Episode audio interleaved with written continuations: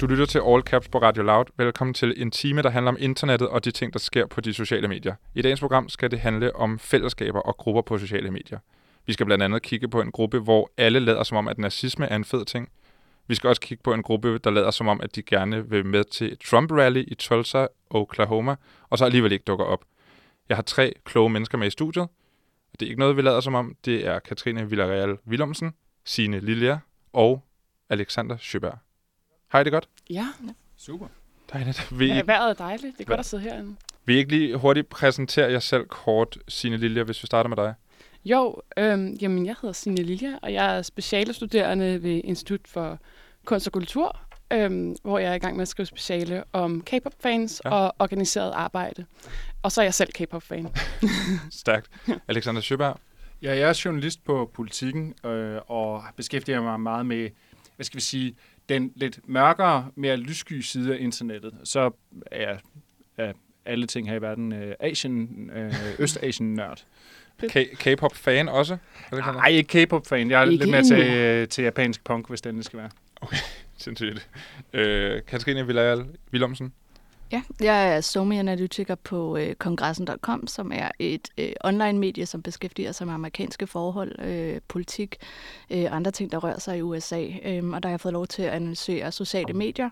Øhm, jeg ved ikke så meget om K-pop. Jeg ved, hvad det er. Jeg ved, at det eksisterer. Øh, men jeg glæder mig til at, at blive klogere i dag. Okay, men så lad os, øh, lad os starte lidt blødt ud med de her øh, grupper på Facebook, som vi alle sammen er øh, fan af på en eller anden måde. Fordi Facebook er jo øh, Øh, blevet mindre og mindre et medie, jeg bruger til dagligt sådan øh, meget, som jeg gjorde engang. Nu er det egentlig primært for gruppernes skyld, altså de her grupper, hvor man snakker med sine venner og har, har, har, har gang i, i nogle fællesskab derinde. Men der er kommet den her tendens med sjove grupper, som er sådan lidt gammeldags Facebook-agtige ting, hvor det er nærmest sådan lidt kædebrevsagtigt, det her med grupper, hvor vi alle sammen lader som om, vi er noget andet. Det er sådan en form for rollespilsgrupper. Dem, kender I dem?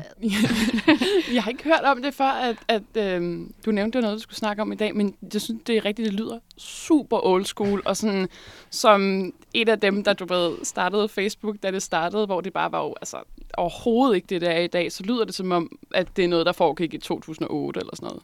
Altså, jeg er jo med i en gruppe, der startede af en person fra det lille minmæreri på øh, 24-7. Maja Øhm, Tekeli. Maja Tekeli, ja. Øh, og det er en gruppe, hvor vi lader som om, vi er svaner i Sortedamsøen. Ja. øh, og altså, hele ideen med den gruppe, i hvert fald for mit vedkommende, er, at vi tager gas på, hvordan... Jeg har ikke lyst til at sige boomer, fordi det er jo ikke rigtigt et ord, man kan bruge i en dansk kontekst. Men altså sådan, mennesker, der er hvad skal vi sige, 45 plus bruger Mm. mm. Facebook, ikke? Jo. Øhm, og det er sådan noget med, at øh, hvis nogen skriver noget, som det er noget sludder, så bliver vi sure og siger, at de skal snakke svansk. Altså, fordi, ja, Så indsprog. Ja, ja, Ja. så indsprog, i stedet for at snakke det der, vi ikke forstår, ikke? Altså Ja. ja. det, der, øh, det der underlige øh, rap-rap-sprog, de ellers kører. Og vi, vi skriver sådan noget med, at, øh, at de der ender skal altså fuck ud af søen, fordi det er svanernes sø og sådan noget. Okay. Og det, det, det er bare en, blevet en ret god joke, hvor man ligesom tager gas på, hvordan andre mennesker bor på Facebook.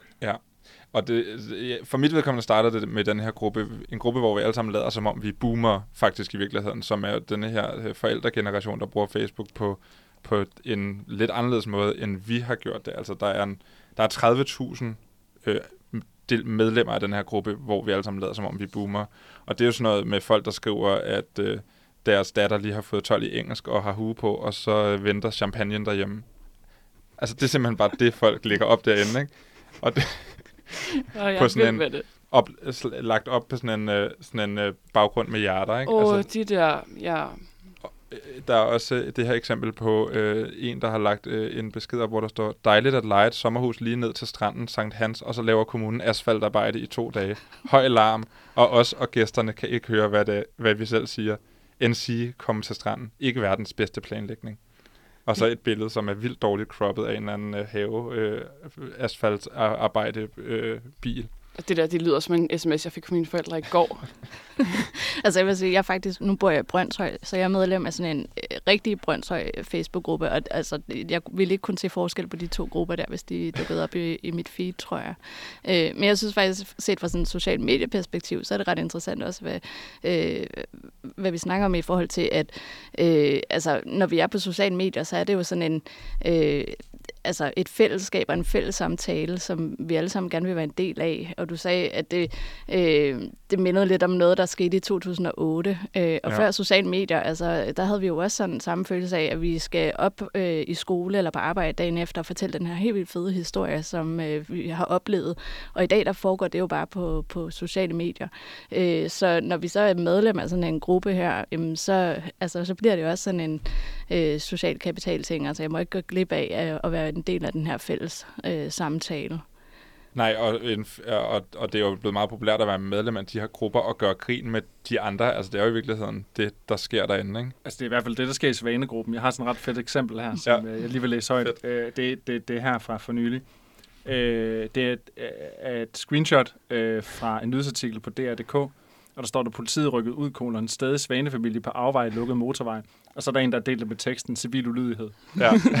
og det, er bare, det er bare ret god griner, hvis man, hvis man er så meget inde i sociale medier, som, som vores generation er, fordi, jamen fordi det, det, det, det ligesom udstiller, jamen det her, det er jo det er præcis det, man laver alle andre steder på Facebook, og, og, og hvor latterligt det faktisk lidt er, den måde, vi bruger sociale medier. Det er sådan ironisk på en, på en overskudsagtig måde, det kan jeg meget godt lide. Jeg synes virkelig, det er fuld cirkel, at det så også foregår på Facebook, ikke? I stedet for, at man tager det over på et andet medie eller sådan noget. Det er virkelig, det er virkelig ironisk at sådan bruge mediet selv til at lave grin af det. Øhm, og så i virkeligheden, at sådan, så er jeg lige og tænker på, hvilke andre medier man egentlig vil bruge til det, men Facebook er jo gode til grupper. Det er jo det, det er blevet til nu, ikke? Jo. Men det var ligesom på et tidspunkt, hvor der var en masse, der gik ret meget op i at gå ind i den gruppe, der hedder Danmarks Mad. Øh, eller hvad skal vi have til aften? ja, ja. Nej, den er god, ja. ja. Det er sådan et rigtig fedt sted, hvis man, hvis man vil se sådan, hvad, hvad skal jeg sige, øh, det jævne øh, Danmark får, og det, det, det er nogle ret søde billeder, folk deler sådan noget med, at de har lavet en eller anden lasagne eller sådan noget, men nogle gange er det også bare nogle ret klamme ting, folk deler. Og så er det ret sjovt at gå ind og begynde at, at hoppe lidt med på den og sige, ej, hvad ser det lækkert ud, og hvad er det dejligt og sådan noget. Jeg, jeg gør det ikke. Jeg kender bare nogen, der gør, og det er ret underholdende. Jamen det her med at trolle andre grupper og lade som om, at man er med på samme bølgelængde som dem, der lægger det op, og så vil man bare gøre grin med det ind i lige deres ansigt. Ikke? Det er jo det, der sker meget af det her. Også på de her der var de her flat earth grupper i lang tid, hvor folk også gik ind og påstod nogle helt vanvittige ting, og man var meget i tvivl til sidst om dem, der skrev det, var trolls, eller om de var reelle, ikke? Så længe det er kærligt, tænker jeg, så er det sjovt. Ja. Den, den, den nyeste, jeg er faldet over, det er en gruppe, hvor vi alle sammen lader, som om vi er Benjamin Hav. Altså ham fra Benal.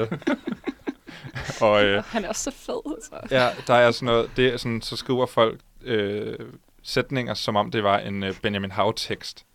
altså, jeg ved ikke, om I kender Benal, men det er sådan noget... Øh, før var der mørkt, nu er der sort sol. Kan ikke nå gulvet fra min mors stol. Eller ding, ding, nok, nok. Hallo, luk op. Wow. ja, jeg har fat i dem, der har lavet den her gruppe med Benjamin Hav, for ligesom at høre, hvad grunden til, at de har lavet den her gruppe er. Og, øh, og, og så skrev jeg også og spurgte Benjamin House selv, hvad synes du om den? Og han på vanlig Benjamin House-stil skrev han bare, den er dejlig. Jamen, det er den også. Men øh, I kan lige prøve at høre her, hvad, øh, hvad drengene bag gruppen selv siger. Rasmus Lystrup, Pape Henriksen, du er en af de to bagmænd bag gruppen. Øh, en gruppe, hvor vi alle sammen lader som om, at vi er Benjamin Hav. Ja. Øh, kan du ikke lige starte med at fortælle, hvorfor har I lavet den her gruppe? Jo, det startede egentlig som, øh, altså, tidens morgen som en, øh, en gruppe, hvor vi alle sammen lavede, som om vi er bubber. øh, det var sådan hvert uge, så var der et nyt tema. Vi nåede ikke særlig langt. Jeg tror, vi nåede tre temaer inden, og så ramte vi ligesom Benal, og så kunne vi sådan mærke, at der begyndte at komme folk til. Det, øhm, det var ligesom noget, folk kunne, kunne, se det sjove de i. De kunne relatere til, eller på en eller anden måde, ikke? Ja, de, de, de kunne se det sjove i det. Øhm, det, det startede sådan med, altså det var egentlig bare sådan en inside joke for, for mig og ham, Lukas, som, øh, laver det med. Ja, for jeg har næsten 2.000 medlemmer af gruppen nu. Ja. Og, ja. og ud, den udspringer den af noget, øh, en fascination af, af Benjamin Hav og Benal, eller er det, øh, gør jeg grin med det? Hvad er det, der sker? Jamen, det er nok en, øh, en fascination dybt inde. Altså, vi startede lidt som øh, nogle øh, Benjamin Hav haters, tror jeg faktisk. Øh, og sådan, vi, det, vi laver selv musik, og vi øh, laver sådan lidt, øh, vi har lavet grin med ham øh, rigtig meget med hans flows og sådan noget. Men så har, lavede vi den her gruppe, og, og sådan langsomt så må vi sådan lidt indse, at vi nok er nogle af de største fans, siden at vi, vi sidder jo nu som administratorerne for hans største fanside på Facebook, ikke? Jo. Så det, man kan ikke helt være, øh, være hater, hvis man, hvis man har det, den Men- sidegeschæft der. Man kan sige meget om, om hans tekster, men de er øh, nemme at afkode, viser det sig, fordi at de, de ting, folk skriver inde på, på siden, er ret spot on i forhold til, Ja. hvordan hans tekster er. Ja. Ja, de er virkelig gode til at imitere. Altså, det var jo egentlig ikke, øh, der var ikke, det er der er ikke, øh, vi har jo ikke skrevet nogen regler for, hvordan man skal agere på gruppen. Overhovedet, vi har egentlig bare ladt, øh, ladt de folk, der nu er strømmet til, øh, øh, sejle deres egen sø, og de har virkelig fået skabt en god øh, sådan formalia for, øh, for et, øh, et, øh, et opslag derinde. De er virkelig gode til at, til at skrive noget, der minder om øh, noget, han, øh, han, han selv har skrevet. Hvad er det, øh, hvad er det ved, ved, øh, ved hans måde at skrive tekster på, du, du øh, har? Men Jeg tror, det er... Øhm, han har en eller anden, øh, sådan, en, en, en eller anden speciel flygtig måde at skrive tekster på. Han, det er som om, han skriver i sådan et, et, et metalag, hvor han sådan... Altså, han skriver sådan... Hvad, han, I stedet for at fortælle om, hvad, der, hvad folk gør, og hvad, hvad der sker, sådan, så fortæller han, så, så siger han metaforer omkring de ting, der sker, så det bliver sådan helt øh, et andet lag, så det er derfor, det, det sådan, ofte virker sådan øh, flygt, flygtigt at, at læse og høre, tror jeg. Og jeg tror, det er det, som folk synes er grineren, fordi at det er jo en, en, en virkelig smuk måde at skrive på, men hvis man så har misforstået det, så kan det jo være helt vildt mærkeligt. Øhm, så det er lidt, jeg tror, det er det, som folk de, de ligesom byder sig fast i og, og gør grin med det. Har I, øh, ved I, om han selv kigger med, Benjamin Hav? Jamen, øhm, der, der skete jo et skift fra, da vi øh, gik fra sådan små 400 følgere til næsten 2000. Her, det, det var da øh, Benjamin han lagde det op på sin øh, Instagram. Øh, sådan et, et, screenshot af, af gruppen, hvor han skrev sådan en gruppe, jeg ikke selv tør være med i. og altså, det var på den dag, så da, jeg- da jeg tjekkede, hvad hedder det, anmodningerne på siden, øh, næste gang efter jeg havde set, at han havde lagt det op der, så altså, der var, der var jo 300 nye, bare på de der 10 minutter der, og så igen om aftenen, så var der endnu øh, 300 øh, nye anmodninger, og sådan, at det, det er virkelig derfra, det, det stak af. Så han har været med til, det kan være, han bruger den som øh, inspirationskilde. ja, det kan man jo håbe. øh, Rasmus, øh, tak fordi du lige ville fortælle lidt om Benal-gruppen. Det var, øh, det var kort og præcist som, øh, som en Benal-tekst. jo, tak, jo, tak. Tak fordi jeg måtte være med. Jamen selvfølgelig. Du lytter til All Caps på Radio Loud. I dag der taler vi om grupper på sociale medier, og det er altså lige fra højre radikale til boomers og til K-pop-fans. Med mig i studiet i dag, der har jeg journalist på politikken Alexander Søberg, SOME-analytiker for kongressen.com, Katrine Villarreal Willumsen, og Sine Lilja, der skriver speciale om organiseret arbejde i K-pop-fandom ved Institut for Kunst og Kultur på Københavns Universitet. Mit navn det er Anton Gade Nielsen, og jeg er vært på programmet. Lad os gå, øh, gå videre til det lidt mere alvorlige og, øh, og bevæge os ind i, øh, i nogle grupperinger på sociale medier og sociale platforme, som ikke nødvendigvis kun er Facebook, men, øh, men alle mulige forskellige steder. Det er de her højere radikale grupperinger, som du, Alexander Søberg, har, øh, har kigget rigtig meget på på det sidste, og måske i virkeligheden lidt for meget til, til, til dit sind. Men, øh, men kan du ikke fortælle til at starte med, hvad er det, øh, hvad er det egentlig for nogle mennesker? Det er jo ikke, ja, lad os kalde dem højre radikale. Ja, altså, min interesse for det, den, den rækker langt tilbage. Øh, hvad hedder det? Øh, jeg skal lige sørge for at varedeklarere her og sige, at, at, at for en del år siden, der var jeg faktisk øh, venstreorienteret aktivist. Og dengang, der gik man jo ud og demonstrerede mod øh, de her mennesker. På et tidspunkt, så øh, stopper jeg så med det, og altså, man kan jo heller ikke være aktivist og journalist samtidig og sådan noget sjovt nok. Så, så, men min interesse for de her grupper er egentlig blevet ved med at være der bare på en lidt anden måde. Nu vil jeg gerne prøve at forstå dem, i stedet for at, at synes, at de er dumme eller sådan et eller andet, hvad man nu synes, når man er, er teenager. Fordi de bliver ved med at være der. Og, øh, og derfor har jeg gravet mig ned i nogle af de her internetmiljøer, og det har jeg gjort gentagende gange, øh, en gang med Rasmus Paludan. Nu kastede jeg mig så over den nordiske modstandsbevægelse, som er en øh, højre radikal, øh, nationalsocialistisk, vil det selv sige, gruppe i, øh, i Sverige oprindeligt, men som så har spredt sig over hele Norden og også i Danmark. Og den her gruppe, den bruger øh, en lang række digitale platforme til at mødes, og den bruger så også nogle ret opsigtsvækkende platforme, som vi måske ikke bruger. Altså vi snakker om det russiske sociale medie V-kontakt, vi snakker om Discord, som er en gaming øh, vi snakker om Telegram, som er en krypteret chat-app, og så tænkte jeg bare, kan vide, hvordan der ser ud derinde. Mm. Og det er sådan set det, min journalistik handler om den her gang. Ja, fordi når man, når man, når man øh, hører om de her øh, folk, som skriver om de her ting på sociale medier, så, så får jeg, eller har i hvert fald lang tid fået det her billede af, at man nærmest skulle være hacker for at kunne finde ud af, hvor de er henne, og skrive sådan noget gammelt kodesprog, og altså virkelig sådan gemt i et hjørne af internettet. Men det er virkelig ikke helt rigtigt. De gemmer sig jo på den måde ikke rigtigt. Eller? Jo, altså de diskussioner, der rent faktisk handler om noget alvorligt, Mm. eller noget ulovligt, eller noget med aktioner, de er gemt. Ja. Og de er gemt bag kryptering, og der bruger man krypterede internettjenester. Det kan være Signal, det kan være Protonmail. Men de ting, der handler om, hvad skal vi sige, mere øh, sådan jævne diskussioner, øh, det der handler om ideologi, det der handler om, her er noget fed musik, jeg synes, du skal høre, øh, hvilke kampstøvler har du købt, øh, sådan nogle ting. Altså, det foregår lidt mere ud i det åbne, men det foregår stadigvæk i nogle halvlukkede rum. Og grunden til, at det gør det, det er, fordi det ikke er sådan super hensigtsmæssigt, det ligger ud over det hele, fordi så bliver det nogle gange fjernet. Og det er jo en del af en større diskussion, der handler om, hvad må der være, og hvad må der ikke være på sociale medier. Hvor at især i en amerikansk kontekst, der er højre radikale grupper, nogen som der bliver slået meget hårdt ned på for tiden. Og det ved de her danske grupper godt. Ja, det er jo vigtigt at pointere, at det er danske grupper, vi snakker om i virkeligheden, ikke? som du kigger på. Jo, det er danske grupper, og altså, de er ikke Nordiske. så super mange. Ja, nordiske, ikke? Og de er ikke så super mange i Danmark. I Danmark er den nordiske modstandsbevægelse, der som sagt er en nationalsocialistisk gruppe, de er mindst 15 mennesker. Men i Sverige, der er de 500. Og i Sverige, der er det altså ikke for sjov. Altså, det er sådan noget med medlemmer af gruppen, der er dømt for, hvad hedder det, øh, ja, drabsforsøg og sådan nogle ting, desværre. Det er ret alvorligt. Hvor i Danmark, der er det sådan lidt mere nede på jorden. Men når det så er sagt, så i maj måned, der er en ung mand blevet dømt for øh, at, at forsøge at producere øh, våben og, og bomber. Det var en retssag, jeg dækkede. Og lad os dykke lidt ned i det her med de sociale platforme, de bruger. Øh, du nævner V-kontakt, men der er også en app som Discord, som i virkeligheden er en, som der er rigtig mange, der bruger til alt muligt forskelligt. Kan du ikke fortælle lidt om det? Jo, Discord er jo super fed. Altså, det er ligesom, hvis nogen kender Slack, eller hvis nogen kender Reddit, så er Discord i virkeligheden lidt det samme. Det er bare mere systematiseret, virker bedre, og så er der voice chat. Altså, det vil sige, at man kan tale sammen, ligesom vi sidder og taler nu. Mm. Og det er rigtig hensigtsmæssigt, hvis man vil spille computer, fordi der er man ikke tid til at sidde og skrive, mens man er i gang med at prøve at, at frag nogen, vel?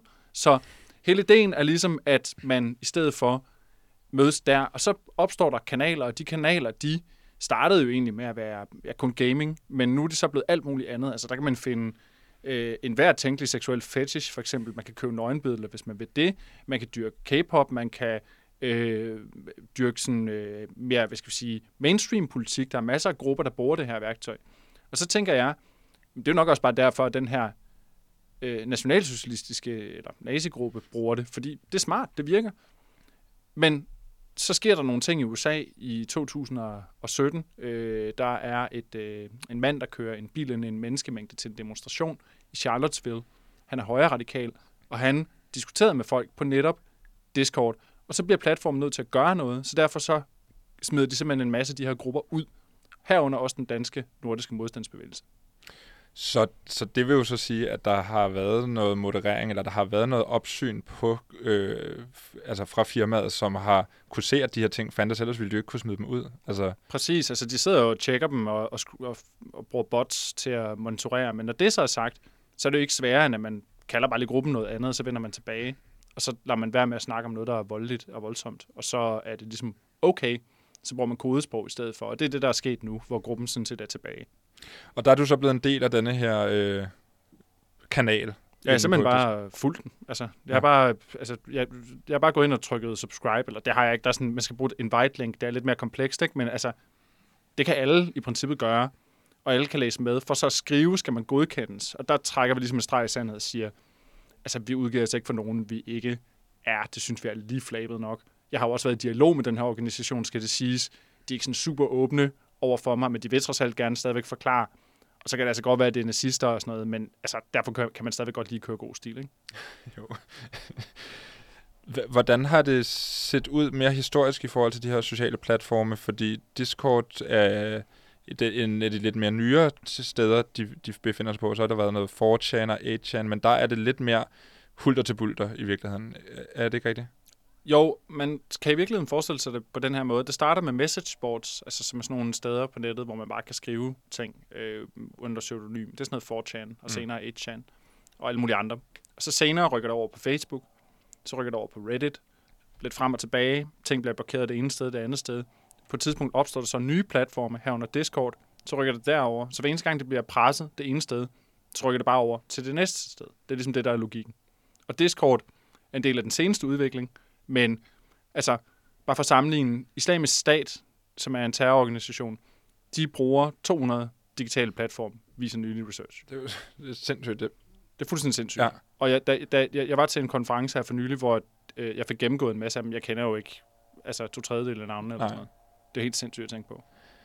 Ja, fordi det, det, det tyder jo lidt på, at dem, som er en del af de her grupper, er ret internetsavvy og har, ved ret meget om, hvordan man... Altså, det er jo øh, formentlig kældermennesker, som bruger det meste af deres tid på, øh, på nettet i virkeligheden. Altså mange af de her mennesker, de er jo også gamere, skal man lige huske. Altså når jeg sidder og tjekker, hvem de her mennesker er, altså så en af de måder, jeg finder ud af, hvem de er, det er blandt andet ved at tjekke deres Steam-konti og sådan nogle ting.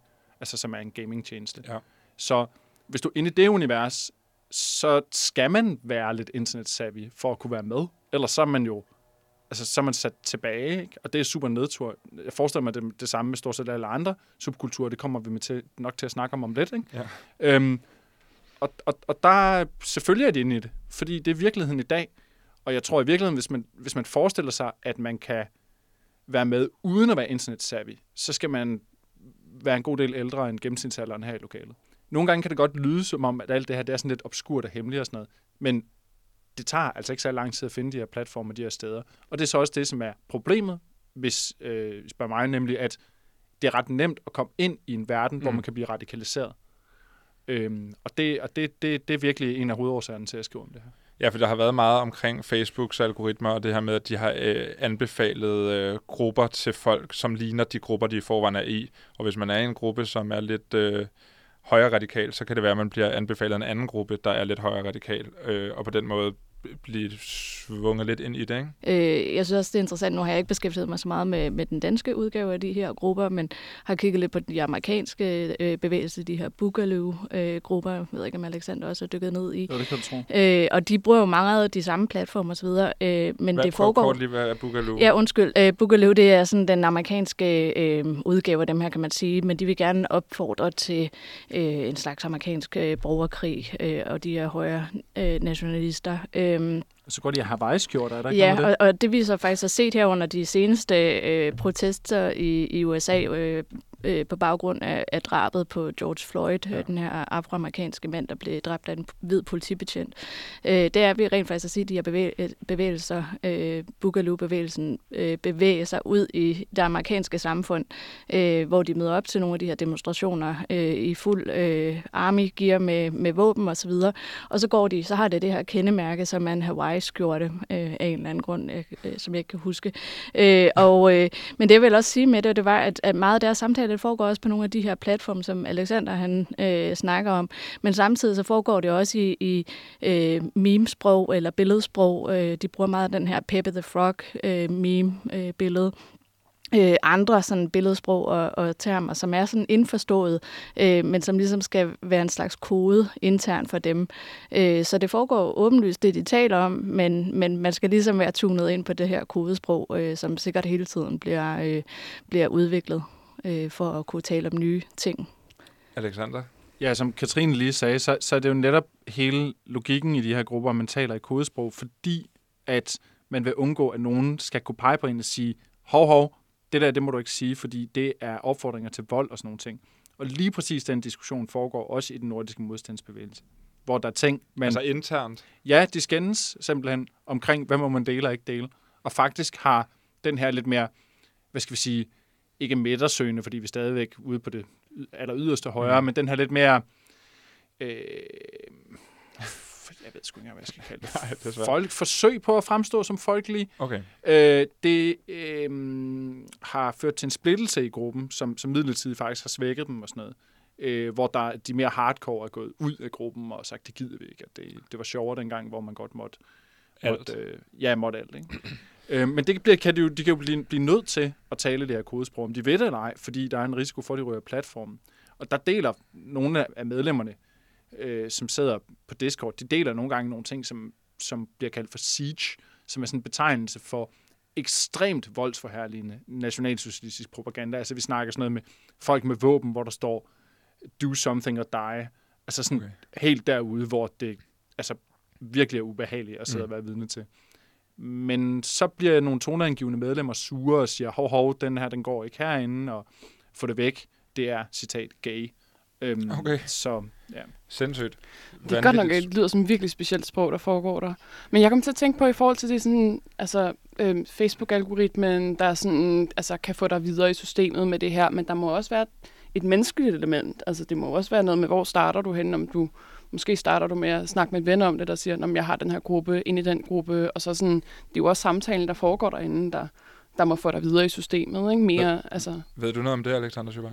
Ja, altså det handler jo i hvert fald en, en, en god del om et fællesskab, et socialt fællesskab. Og det er jo lige præcis der, hvor den nordiske modstandsbevægelse er unik, fordi at de, som Katrine Villarreal sagde tidligere, formår at tage, øh, tage, tage deres sprog og deres øh, sniksnak frem og tilbage ud i virkeligheden, Hmm. hvor de, de mødes. Øh, hvis det ikke er til demonstration, hvor man, hvor man jo så kan, kan støde på dem, altså hvis man er interesseret, så er det på lejreture, hvor man øh, griller pølser og, øh, citat, har samtaler om racekrig. Sindssygt. Fucking sindssyg sætning. Øh, har der været nogle eksempler på folk, der har prøvet at infiltrere det her og gøre det samme, som jeg snakker om i starten, med at trolle og lade som om, at vi er øh, folk, der synes, at nazisme er en fed ting, for eksempel. Altså på Discord eller på nogle af de andre tjenester, og, vi, og sådan disrupter samtalen på en måde. Se, det er jo et godt spørgsmål, om det ved jeg jo faktisk aldrig rigtig helt Nej. Om er tilfældet, fordi at folk bruger synonymer, og fordi hvis jeg begynder at blande mig for meget, så bliver jeg en part, og det er jeg jo ikke. Nej. Jeg er en observant. Så det er jeg altid lidt i tvivl om. Og det er også derfor, når jeg skriver om det, jeg skriver ikke, at, øh, at de medlemmer af den nordiske modstandsbevægelse, medmindre jeg er 100% sikker på, at de rent faktisk er det. Fordi det kan jo godt være en troll. Hey, det kunne være en venstreorienteret aktivist. Det kunne være en journalist. Det kunne Ja. være en petagent. Ja. Jeg aner det ikke. Nej, det er jo interessant, fordi når man går ind på en Flat Earth-gruppe og ser de opslag, og ser, at der er nogen, der er fuldstændig øh, far out, så bliver man nemlig i tvivl, ikke? Men ja, du kan jo ikke gå ind og spørge dem. Nej, der er i hvert fald en grænse der. Ja. Og der er nogle andre medier, som gør det på en anden måde, men, men, men vi, vi har valgt den vej. Du lytter til All Caps på Radio Loud. I dag der taler vi om grupper på sociale medier, og det er altså lige fra højre radikale til boomers og til K-pop-fans. Med mig i studiet i dag, der har jeg journalist på politikken Alexander Sjøberg, SOMI-analytiker for kongressen.com, Katrine Villarreal Willumsen, og Sine Lilja, der skriver speciale om organiseret arbejde i K-pop-fandom ved Institut for Kunst og Kultur på Københavns Universitet. Mit navn det er Anton Gade Nielsen, og jeg er vært på programmet. Lad os parkere øh, de højre øh, radikale en lille smule, og så gå videre til nogen, som er øh, radikale på en lidt anden måde. Det er øh, måske en lidt streng sammenligning, men øh, lad os prøve at bevæge os over i, øh, i K-pop og, og de, ak- den aktivisme, der sker inden for fans af K-pop, eller stans. Altså, Ja, ja, det er sjovt, du siger stan, fordi man siger K-pop stans, altså som reference til Eminems nummer, øh, ja, stan. Øhm, fordi at Stan i Eminems univers var den største fan af Eminem overhovedet. Ja. Så stor, at han slog sin kæreste, gravide kæreste ihjel. ja, og sig selv. Det, ja, Er det ikke lidt negativt at det er kalde sig mega negativt. Jeg ved ikke, men altså... Altså, det er radikalt. Det er radikalt, men jeg tror, mm, åh, det er et godt spørgsmål, hvor den lige er kommet fra. Øh, men jeg tror også, det handler om, at, at det kan bruges som verbum, altså at man staner nogen. Altså det, det er i virkeligheden bare convenience. Øhm, altså at du er, i stedet for, at du er fan af nogen, så sådan der, jeg staner dem her, det er ligesom død lingoen. Grunden til, det er interessant at snakke om K-pop-fans, eller K-pop-stans lige nu, det er jo fordi, at der er, man har set K-pop-tilhængere, øh, lad os kalde dem det, øh, be- være meget aktivistiske på sociale medier i forbindelse med øh, Black Lives Matter øh, og i forbindelse med Trump-rally øh, i Tulsa, Oklahoma her for øh, i sidste weekend.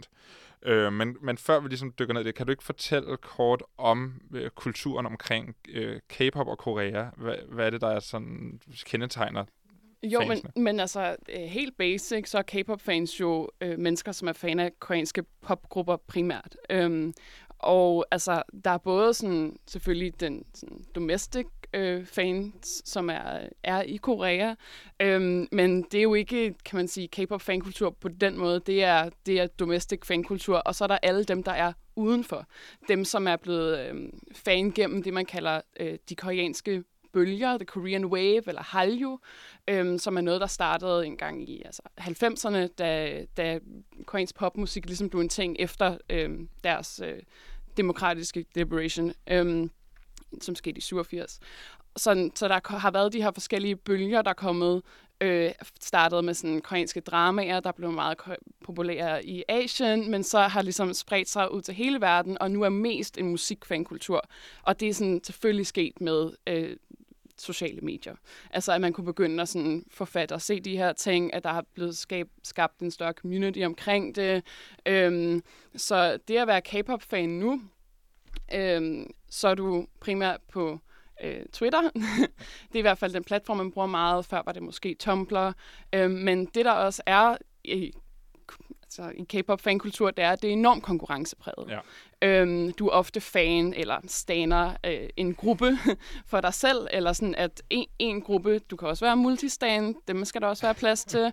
øhm, men at det er bare vigtigt altså i Korea er der sådan en, en idé om, at fansene skal arbejde med eller for gruppen, for for eksempel at øh, være blive nummer et på de her ugenlige musikshows, der foregår i Korea. Det er virkelig vigtig ting, at de her bands får øhm, deres, en, en win på et music show med deres nye sang, for eksempel. Det jeg også skriver om mit speciale, det jeg kalder emotional labor, eller affektivt arbejde, som handler om, at de her fans øh, går ind og og øh, for eksempel organisere sig omkring streaming, øhm, at man skal, når der kommer et nyt album, skal det gå nummer et på Billboard, og det er sådan noget mass organization. Det er sådan noget med en måned før går man ud og siger, okay, vi skal nå de og de og de mål, vi skal være nummer et, vi skal se, musikvideoen skal ramme øh, 100 millioner views inden for, inden for de første 24 timer, så vi slår rekorden. Nogle gange skal vi slå vores egen rekord. Øhm, og så bruger altså et par måneder måske på, at sådan, øhm, der er i hvert fald nogle Twitter, blandt andet BTS Billboard, som går ind og sådan, de, de tweeter kun om, hvordan at sådan, hey, keep streaming, og her køber I den, og der er noget, der hedder Funds for Pangtan, som er nogen, der tager altså, midler ind, øhm, og så giver det til folk, der så kan købe kan købe, altså de tager donationer ind, øhm, og så giver det til folk, sådan, så de kan gå ud og købe albummet. Så hvis folk, der ikke har råd til at købe et album, så får de ja. støttet? Ja, så kan de blive støttet af Funds Det skulle da herre snyd. Det er gamet.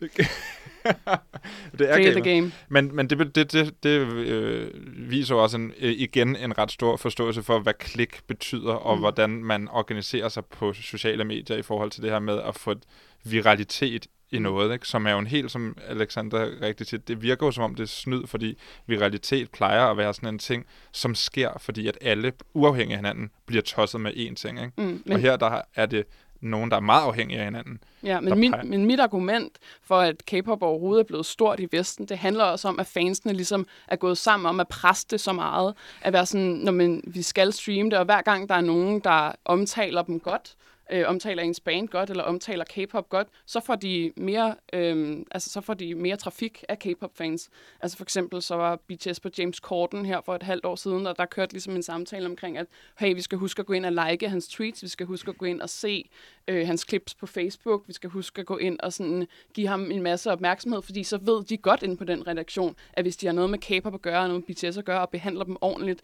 så får de helt meget trafik. Øhm, så på den måde er K-pop-fans meget opmærksomme på, sådan, altså, hvordan man bruger internettets opmærksomhedsøkonomi til ens fordel. Men hvad er målet? Overtage verdensherredømmet? Eller ja. hvad? Nå, men sådan helt seriøst, ja. er, det, altså, er, det, er det bare at blive store, eller hvad? Ja, må, altså målet sådan er ligesom at increase, jeg, jeg kalder det bandets brandværdi, ja. øh, meget muligt. Men på den anden side, altså det er også et det er mere et akademisk argument, jeg har også har, handler det om at disrupte nogle af de her sådan, globale kulturhierarkier. Fordi det K-pop-fans også er, det er de røvtrætte af, at øh, deres musik, øh, det musik, man godt kan lide, bliver anerkendt, at øh, det bliver sådan sat til side som at være sådan, om det er på koreansk, sådan, det kan vi ikke forstå, og, øh, og at de her øh, drenge, de ser øh, feminine og bøssede ud, eller sådan, altså virkelig, det er også sådan, der, hvor det bliver politisk på en eller anden måde, er, at man vil have øh, straight up, at Korea skal op sammen med øh, USA, England og Japan som nogle af de store øh, globale øh, kulturer, som vi alle sammen kender. Det er jo ret interessant i forhold til denne her snak, som vi så kommer ind i nu, som er den her mere politiske, hvor at øh, man har set K-pop-fans hijacke hashtags, som har været anti-Black Lives Matter, altså sådan nogle All Lives Matter, eller andre eksempler på, på ting, som har gået imod den her kampagne for Black Lives Matter, og der har K-pop-fans også spillet en rolle. Øhm, altså, sådan rent personligt, så gik der jo ikke øh, en dag fra, at, øh, at man startede Black Lives Matter-hashtagget til, at hele min timeline på Twitter var Black Lives Matter. Mm. Øhm, og jeg følger kun K-pop-fans. Altså, det er min K-pop-Twitter. Øhm, så allerede der, så sådan, okay, øhm, det her er noget, vi beskæftiger os med. Og øh, det første, der skete, det var, øh, det var det her med, at man bare gav plads til Black Lives Matter-hashtagget med, at vi var sådan, Nå, selvom hvis der skete noget i vores øh, fandom, så ville vi ikke snakke om det på Twitter, vi ville bruge kodesprog, sådan så at det ikke disturbede den her algoritme, sådan så Black Lives Matter ville, ville komme op og, og, og trende og blive ved med at trende. Og så derudover, at man selvfølgelig øh, øh tweetede øh, vigtige øh, videoer og, øh, og ligesom var en del af samtalen. Øhm, og derudover så var der det her med, at man disrupted øh, den her Dallas Police Snitch-app. Øhm, nogle af jer, der har hørt om det? Med, Jeg- jeg om ja, Dallas Police havde sådan en uh, app, hvor at man kunne øh, sende dem videoer af demonstranter, der opførte sig, øh, eller overtrådte øh, loven, øhm, og så gik K-pop-fans ind og ligesom spammede den med fancams. Fancams, det er øh, videoer af individuelle K-pop-artister, der optræder. Og fancams er meget sådan en, det er, sådan- det er blevet brugt på internettet som sådan en måde at sådan slå en samtale ned. Det er sådan noget, anyway, Stan Luna, og så, du ved, poster man en fancam. Øhm, Altså, så, bare lige for at forstå, det er en video af en, der danser, Ja. og hvad, hvor lang er den her video? Øhm, jamen, det er ligesom, ligesom langt som performancen, eller også det er et lille klip af Okay. okay. den. Forestil jer, en fancam er, øhm, hvis I har set en fodboldkamp, så ser I fodboldkampen bagefter, men med et kamera på hver individuel spiller. Okay. Ja, det er det, er be- bedste Nå, analogi, okay, så det er, hvis du er fan af en af dem fra gruppen, Ja. så er det kun den person, man ser Ja, det igennem kun hele... den person, man ser igennem hele videoen. Så man kan sådan der, der er fokus på dem. Så det, de gjorde, det var, at de i stedet for at lægge videoer op af sorte protester, der øh, protestanter, øh, Ja. der, der gjorde noget ulovligt, så Ja. lagde de videoer Ja, op de af... crashede af dem, fordi de flottede den, ikke? Øhm, og det samme skete jo som det her øh, White Lives. Fordi så lige derefter med den der Dallas Police ting, så blev det en ting. Mm. At vi var sådan, at øh, jeg tror, at folk i, i Black Lives Matter var sådan der, okay, vi kan mobilisere K-pop-fansene. De er på vores side. Og, og fordi at K-pop-fans er så organiseret i forvejen, så er det nemt at mobilisere. Og at fordi K-pop-fans er på en eller anden måde, altså sådan, jeg, jeg kan ikke forestille mig, at der er K-pop-fans, som er Trump-supporter. I hvert fald ikke på den måde. Altså sådan, det, det går imod hele ideen på Ja. en eller anden måde.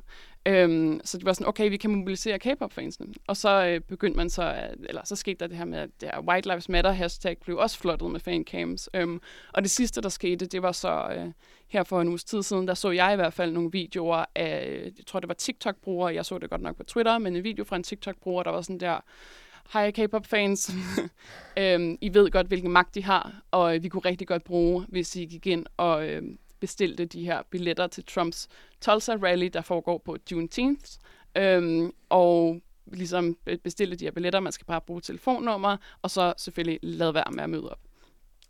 Og det var, det var simpelthen en TikTok, fordi nu bevæger vi os ind i det næste emne lidt. TikTok øh, lavet af en, som ikke havde noget med K-pop-fandommen at gøre, men som vidste, at K-pop-fans har den her magt, de har. Ja. Og de i gang satte så en operation, som på en eller anden måde måske, måske ikke har været vellykket. Ja. Katrine Villarreal, du- jeg ved, du har skrevet om denne her TikTok øh, teens øh, K-pop-aktion mod Trump på kongressen.com. Hvad, hvad tænker du om det her? Jamen, jeg synes, der er rigtig mange øh, interessante ting i, i, i det her, altså fordi at øh, altså, de har jo netop en, en eller anden form for, for magt, øh, men jeg synes også, det er interessant i forhold til den måde, øh, sådan politiske øh, bevægelser bliver mobiliseret på øh, de sociale medier.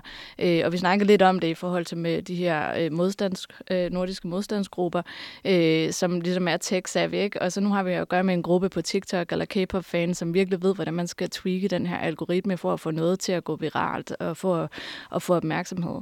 Øh, og øh, det er jo så det, der er sket, måske ikke sket, at, at, øh, at de her øh, TikToks, øh, Conti og, og K-pop-fans, øh, de simpelthen øh, fik gjort det her viralt, sådan at øh, rigtig, rigtig mange, øh, sikkert forholdsvis unge mennesker, gik ind og øh, bestilte fiktive billetter til, til Trumps rally i, øh, i Tulsa, Oklahoma, øh, for så derefter ikke at, at dukke op. Øh, så, så han ligesom bliver efterladt øh, i det her store stadion med med, med et ret øh, sparet publikum. Øh, men jeg vil også lige sige, at vi ved jo ikke, om altså det er lidt hønnen og ægget. Altså vi kan formode, at det er det, der er sket, men øh, der er også rigtig mange andre ting, som foregår i USA lige i øjeblikket. Altså der er jo også en pandemi, der ikke kører helt godt øh, på ja. de kanter, øh, så, så der kan jo også være andre ting, som har, har holdt folk hjemme. Alexander? Ja, jeg, jeg sidder bare, mens du snakker om det. Jeg, jeg, før i dag, så sad jeg sad lige og googlede lidt. Jeg har været begravet det her nazi så jeg, jeg må indrømme, jeg ikke lige helt har fulgt med i, i Tolta. Men jeg kan ikke finde ud af, hvor mange pladser det var. Altså, nogen beskriver det som et par hundrede, og andre som mange flere. Ved du det, Katrine? Altså, der er jo det med de her rallies, at, øh, at man egentlig frigiver, øh, hvad hedder det, flere billetter, end, end der er pladser. Øh, nu kan jeg ikke huske, hvor mange pladser der var. Jeg tror, der er omkring 19.000 19 øh, pladser. Alt, netop på grund af pandemien, så var det blevet skåret i. Øh, og, øh, men der har man tendens til at frigive flere billetter, fordi man ved, at folk øh, melder sig til, at så ikke dukker op. Øh, og det har også noget at gøre med, at, øh, at den måde, måde, som øh, Trump ligesom kører de her billetter på, om det er, de gratis, øh, på, sagt på den måde med i citationstegn, at øh, du skal bare lige oplyse en masse ting om dig selv, øh, hvem du er, hvor gammel du er, hvor du bor og sådan noget. Øh, og det øh, kan Trump-kampagnen så bruge som sådan noget datahøst, øh, som ja. de så senere kan bruge til at køre budskaber, politiske budskaber ud i, i Trumps øh, valgkamp på. Øh, så, øh, så ja, altså det er jo svært at sige, øh, hvor mange det er. Øh, det, det drejer sig om, men, men øh, der er i hvert fald, de, de gik selv ud og sagde, at øh, de havde fået over en million øh, tilmeldinger ja. øh, til det her stadion, hvor der kun var plads til 19.000, og hvor det så endte med at være relativt færre. Under, der mødte under 7.000 op. Mm. Men, men det du siger er simpelthen, Katrine Villarreal, at øh, det har ikke nødvendigvis gjort den store forskel for Trumps kampagne, hvor mange der mødte op. Men dem, der mødte op, har haft stor betydning. Ja, så man kan sige, øh, hvis jeg nu var en af de her TikTok-brugere eller K-pop-fans, der, der gik ind og øh, tilmeldte mig, og så ikke øh, dukkede op, øh, så ved jeg, at der er mange, der er gået ind og ligesom brugt øh, et Google-nummer eller et eller andet andet falsk nummer for ikke at kunne blive registreret. Øh, men det er sådan, at øh, jeg læste i hvert fald, at, at mange rent faktisk var ind med at bruge deres egne numre, øh, hvilket også virker lidt dumt, men øh, de havde brugt deres egne numre, og så var de simpelthen bagefter blevet spammet øh, med sms'er af Trump kampagne Der er nogle lidt andre GDPR-regler i USA, end der er her i, i Europa.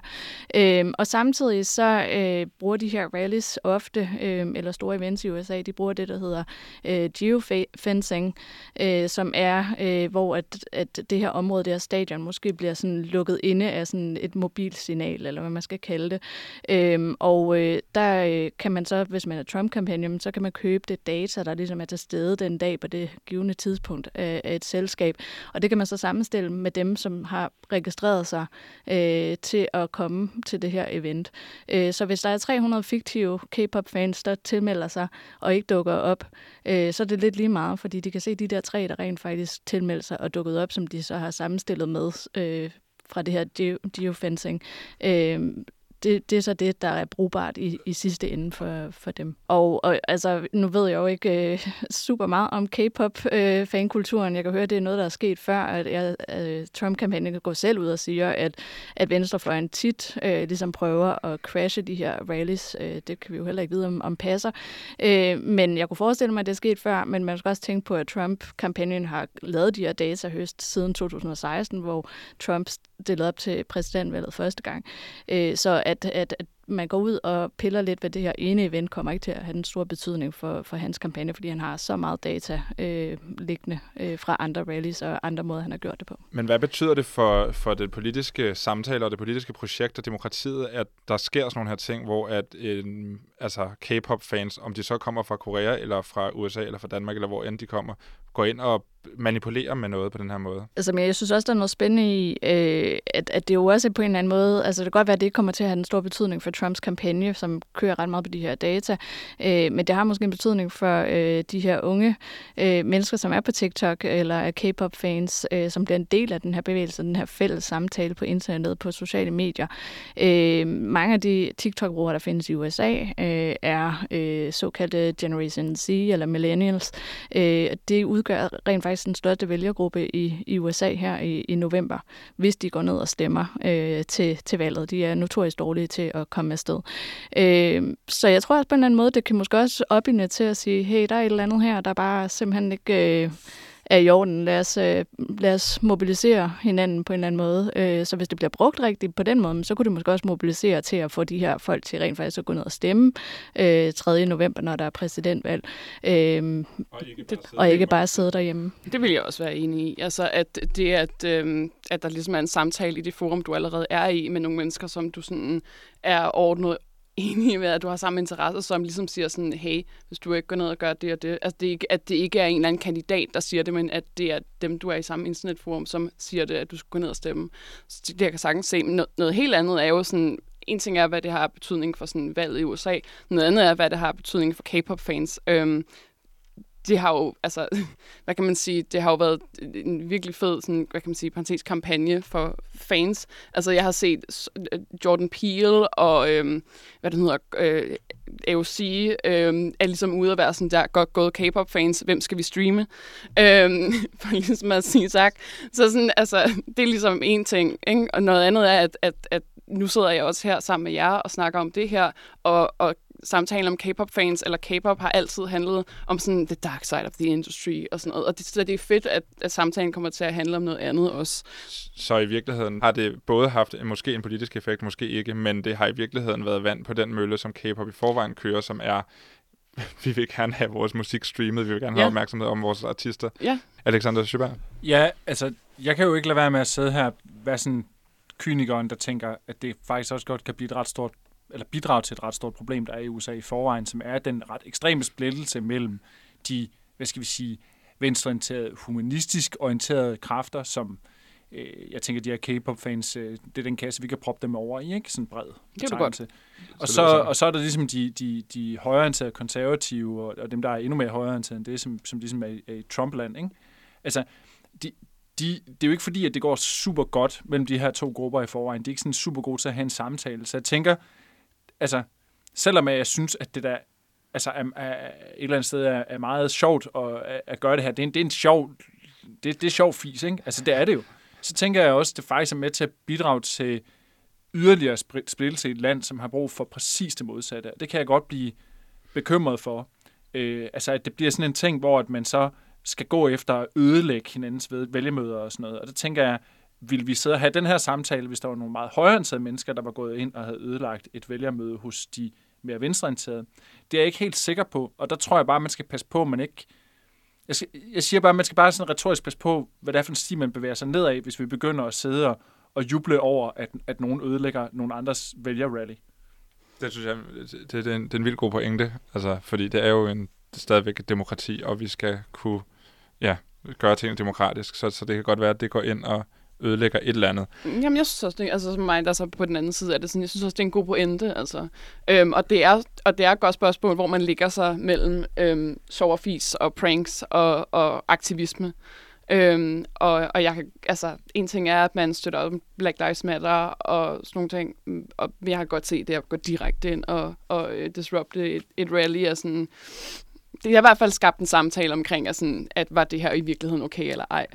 Men det, men det skete i hvert fald. Altså, det er sådan en ting. Jeg tror, hvis der havde været alle mulige andre lande end lige præcis USA, så ville jeg være lidt mindre øh, bekymret, lidt mere øh, typen, der bare sidder og griner af det, synes, det fiser ballade. Men det, det, det er bare meget alvorligt, det der sker i USA lige nu, og der og det bevæger sig rigtig hurtigt i en skidt retning, set fra min stol i hvert fald, og det er derfor, jeg er bekymret. Lad os øh, runde af, øh, afsnittet af, udsendelsen af, med øh, at anbefale lidt nogle ting til vores øh, lyttere her. Øh, jeg kan lige starte ud her i det her indslag, som jeg synes har den perfekte titel. Det hedder simpelthen bare Content. Øh, jeg vil gerne anbefale noget content til at starte med, og det er øh, alt, hvad der har med øh, Tulsa, Oklahoma at gøre. Altså øh, finde ud af, hvad der skete dengang for 99 år siden i Tulsa i Oklahoma. Altså det er jo øh, historien, som rigtig mange øh, har glemt eller ikke har fået at vide omkring øh, et systematisk øh, nedbrydning af et, et, et meget, meget rigt og velfungerende sort samfund i øh, USA, som simpelthen øh, på grund af en eller anden lille ting blev smadret fuldstændig, brændt ned til grunden, øh, bumpet fra oven med fly.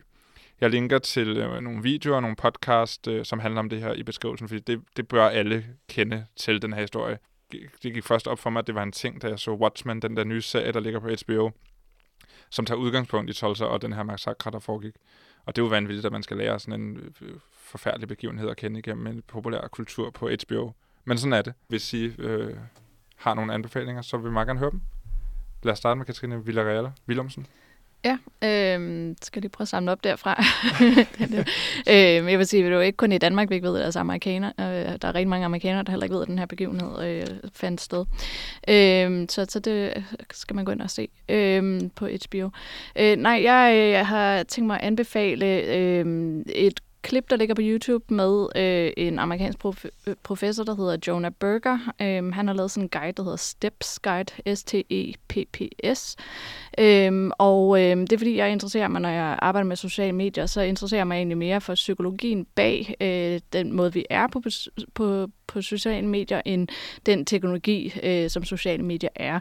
Øh, og jeg tror, man kan snakke lidt om, altså en gang, så skulle vi alle sammen have en MySpace-strategi, øh, øh, for eksempel. Og hvis vi siger i dag, vi har en MySpace-strategi, så vil vi jo ligne idioter. Øh, men der er ikke så stor forskel på, hvordan vi opførte os på MySpace, til hvordan vi opfører os i dag på Facebook eller TikTok osv. Øh, så hvis man ved lidt om, hvad det er, der ligesom driver folk til at dele og øh, kommentere og like og, og blive en del af de her fællesskaber, som vi har snakket om i dag, Øhm, så har ham her, Jonah Berger, han har lavet den her Steps Guide, øh, som er rigtig interessant, øh, som ligesom er øh, nogle kategorier, hvor at han siger, at øh, det her er grund til, at vi deler noget, det her er grund til, at vi liker noget, det her er grund til, at vi er en del af en, af en fælles samtale. Og det kan man jo så putte ned over øh, alle mulige former for online teknologier. Og det er en måde også at forstå, hvorfor, en, hvorfor man selv gør det, eller hvad? Eller er det mere for at forstå de andre? Ja, altså det er jo sådan noget, ja, du kan også forstå dig selv. Ja. Øh, jeg synes, der er i hvert fald der er mange ting, det, som, som også øh, passer meget godt på, hvordan jeg er på sociale medier. Altså vi er jo alle sammen sådan flux lemminger øh, i sidste ende, og det er noget, der ligesom er indlejret i sådan en menneskelig adfærd, som vi har taget med os. Og nu har vi bare fået en, øh, nogle platforme, som er sociale medier, som ligesom er med til at understøtte den her øh, adfærd, som vi har. Spændende. Alexander Søberg? Ja, altså jeg kommer jo øh, nok desværre til at anbefale noget lidt mindre livsbekræftende. Øhm, hvad hedder det? Øh, jeg vil anbefale, øh, hvis man synes, det er spændende med, med højre radikale grupper, og, og virkelig vil, vil sætte sig ind i, hvad der er på spil i USA for tiden, så skal man sætte sig og se en Vice-dokumentar, altså mediet Vice, mm. øh, bare omkring jeg tror det er 20 minutter, den hedder Race and Terror, og den er fra 2018, så vidt jeg husker, og den omhandler de her begivenheder, jeg talte om i Charlottesville, øh, hvor en, øh, en mand øh, kører ind i en menneskemængde med en bil og slår flere mennesker ihjel. Og det her, det er altså ligesom på mange måder det, der bliver startskud til, at man begynder at se øh, ekstra nøje på de her højre radikale grupper i USA, og det er en ekstremt stærk dokumentar, hvor man kommer med vicejournalisten ind og møder de her øh, ja, nazister er de jo faktisk, øh, hvad hedder det, det er ikke Ku Klux Klan-typer, men det er i den retning, man okay. skal forestille sig der. Og det, øh, ja, Race and Terror. Øhm, Signe Lilja? Ja, altså, man skulle være et skarn hvis man ikke anbefalede noget K-pop. Altså det, nu har jeg lige siddet og snakket om, hvor meget det er missionen at få gjort. Øhm, så, øh, Sådan. Er det ja, derfor, du har indekund, eller hvad? ja, jeg får taletid. Ja, ja, ja. ja.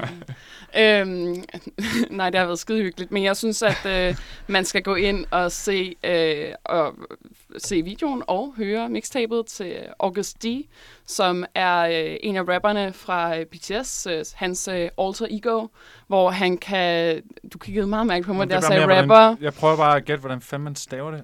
August, okay, det er faktisk også på et sted. A-G-U-S-T mellemrum D.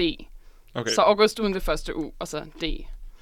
Ja. Modtaget. Ja, øhm, og øh, det er hans øh, alter ego, som er sådan øh, lidt mere bramfri, øh, kan få lov til at sige nogle ting, han ikke kan få lov til at sige, når han er med i BTS, og øh, han skal høre øh, hans øh, singlen fra mixtapet, der hedder Dechita, det kan du også godt få lov til at stave. D-A-E-C-H-W-I TA. Øhm, Meget godt lige jeg er ret sikker på, at du finder det, hvis du bare skriver på, at du bare bilder en masse ting ind lige nu. Øh, men det er også det med, med, med Augusti, fordi han er meget sådan der, fuck, jeg gider ikke snakke engelsk, jeg gider ikke lave et album på engelsk, det kommer på koreansk, og øh, hele den her øh, video handler også om, at han sådan der er, de har filmet det i et historisk dramasæt, øh, så han render ligesom rundt og og leger, leger kongen af Korea med sådan Arne og kende det skide godt. Og så ellers ind og høre resten af mixtapet, det hedder D20, og det ligger på alle streamingplatformer. Stærkt. tak for anbefalingen, og tak fordi I kom. Selv tak. Tak. Det var alt, hvad vi nåede i dagens udgave af All Caps. Hvis du ikke nåede det hele, og for eksempel først lige har tændt for din radio lige nu, jamen så kan du øh, tjekke det ud på podcast. Du kan finde All Caps som podcast i din foretrukne podcast-app. Her der kan du også finde øh, links til nogle af de ting, vi talte om i dagens program. All Caps det er produceret for Radio Loud af og på Enigma, Museet for Post, Tele og Kommunikation. I redaktionen der sidder Nana Schmidt Nordeskov, Marie Høst og mig. Mit navn er Anton Gade Nielsen. Vi ses. thank you